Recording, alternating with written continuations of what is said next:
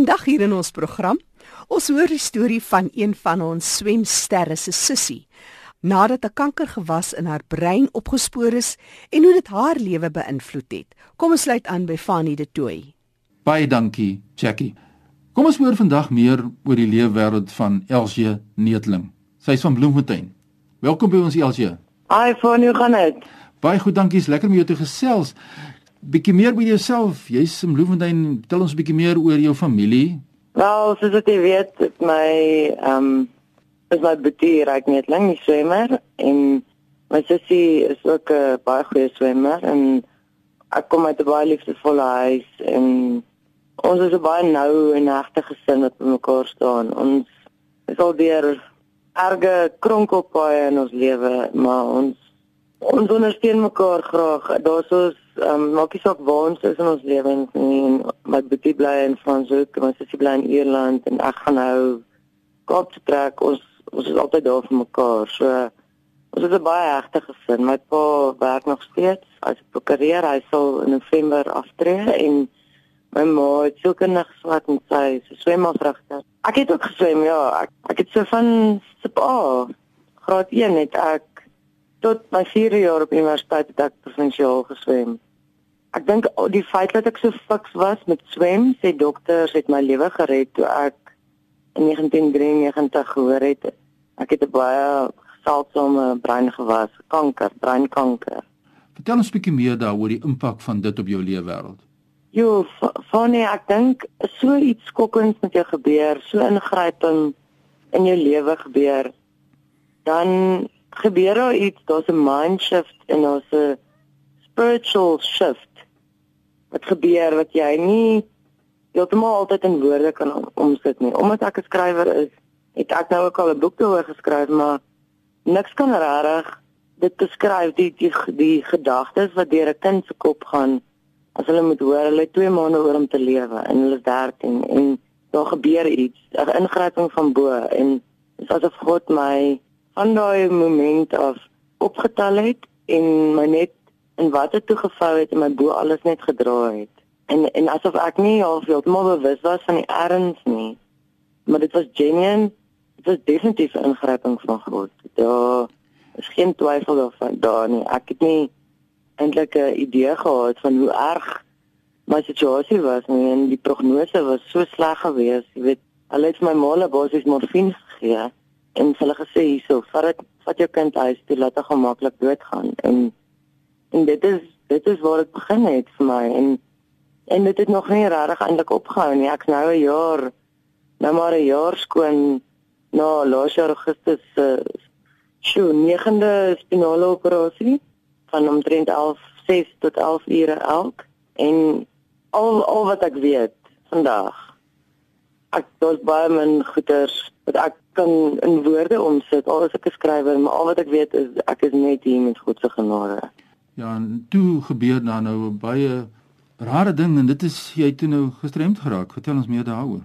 Jo, ja, dis nou die laaste ding wat 'n mens dink gaan nog met 'n mens gebeur as jy so lank met met kanker worstel en die breinkanker, ek het 3 breinoperasies gehad in in Ek was op die missie hoërskool in Bloemfontein, Engelse meisieskool langs Grey College. Ek was deur my skooljare, my hoërskooljare was ek siek geweest. Ongelooflik baie chirurgie het nie eers my gestremd gemaak nie. Ek kon loop na elke na elke operasie kon ek loop. My eerste operasie was iets in 9 ure geweest in in Johannesburg. Maurits van die Heever het telke male my lewe gered. Hy het my geopereer toe ek 'n kind was, breinoperasies en hy het my weer tot onlangs laas jaar Augustus het hy my ook geopereer. Maar nou is jy in 'n rolstoel hierdie huidige oomblik. Vertel ons daaroor. Ja. Ek versprei die kanker na my ruggraat en dit het, het in my stytjie gaan lê en daar begin groei.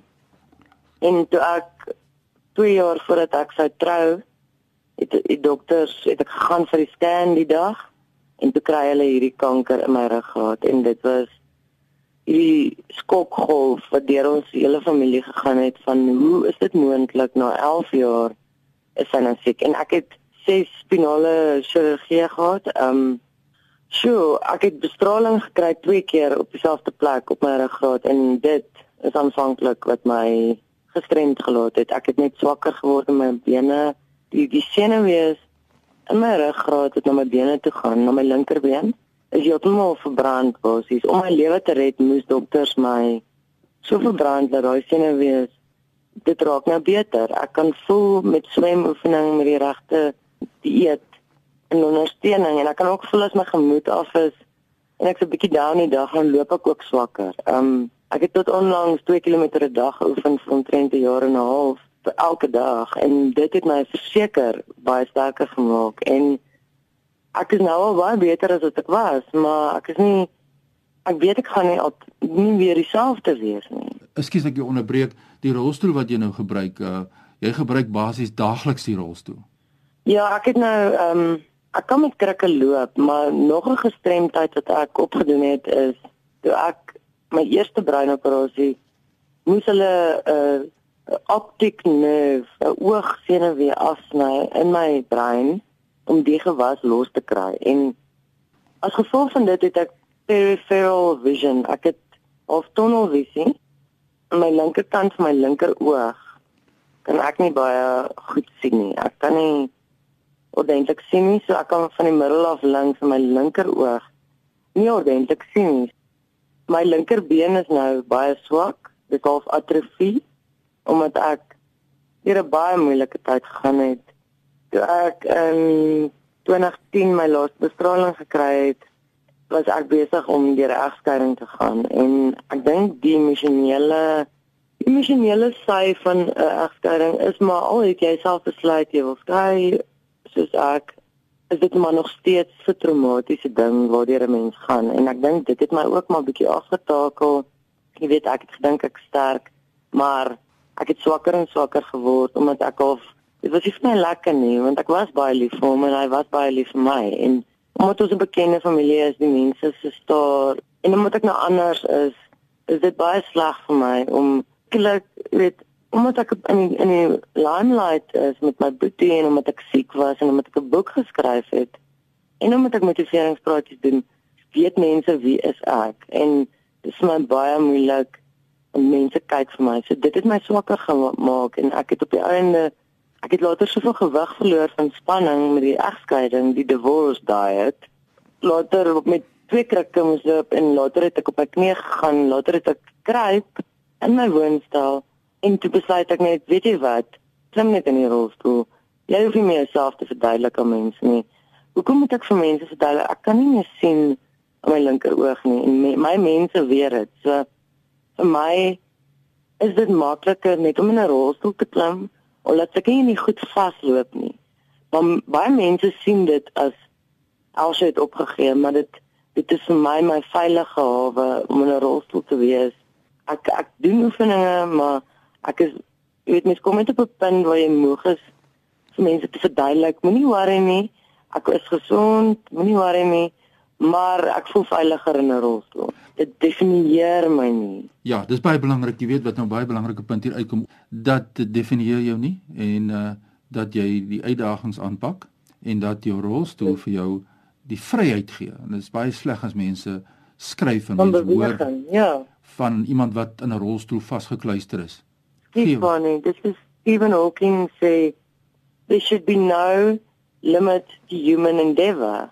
Ja. En en daai dit en jy weet van jy weet baie goed hoe dit voel om jy sê weet jy nee hierdie wêreld is nie gemaak vir gestremdes nie. Mense het nie en as skuis van ek gaan nou heeltemal oor my tyd, maar ek net nog al iets laas en sê. Dit net omdat ons anders lyk like, en goed maak ons nie dom nie. Ons is nie dom nie. Jy hoef nie met ons harder te praat nie. Jy hoef nie meer te kyk op ons nie. Stephen Hawking is 'n rolstoel, hy is 'n wêreld se slimste ou. ja. En en Teddy Roosevelt was Amerika se president. Teddy Roosevelt was in 'n rolstoel. Abraham Lincoln was in 'n rolstoel. He ruled America in a wheelchair. Wow. Dit is baie lekker vir my met jou te gesels, Elsie en jou insigte te kry oor hoe jy jou verlies belewe in hierdie stadium nou die mobiliteit wat daarmee saamgaan maar ook die sig. As daar mense is wat met jou wil skakel en wat jou wil kontak oor inligting en hul belewenis met jou wil deel, waar kan hulle van jou aan? Ehm hulle kan my by webwerf op Dis nou www.hipi Dis nou H I P koppelteken e.co.za.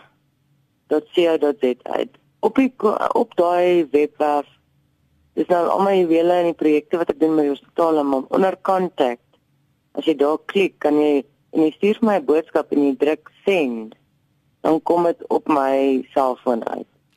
Ja, ons gaan op 'n stadium weer met jou gesels nog oor jou wonderlike ander projekte, die uh, wat jy nou na verwys het, die kralle projek, maar dit was lekker om jou te gesels vandag 'n bietjie oor jou verlies en hoe jy dit beleef en ervaar. Baie dankie. Dankie vir die vrymoedigheid en die moeite gedoen het om my te kom help plek en wen maak het gebly het. Dis alles 'n plesier. Baie sterkte. Dankie. En saam saam is ons sterker. Groetens van ons. Mooi, dankie ou Fanie, hoor. Dan as jy inset wil maak in hierdie program, kan jy gerus ook 'n e-pos aan my stuur by fanie@roadtoindependence.co.za. Wat is jou mening? Terug na jou daar in die Goudstad, Jackie. En so groet kollega Fanie de Tooi daar uit die mooie Kaap. Onthou jy kan weer gaan luister na hierdie program Leefwêreld van die gestremde. Gemaak 'n draai op ons webtuiste rsg.co.za, klik op potgooi en soek vir Leefwêreld van die gestremde.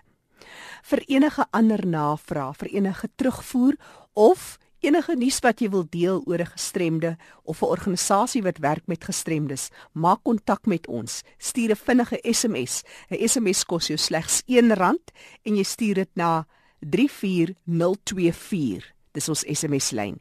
Jy kan ook kontak maak met my, Jackie, by rsg.co.za. Groete tot 'n volgende keer.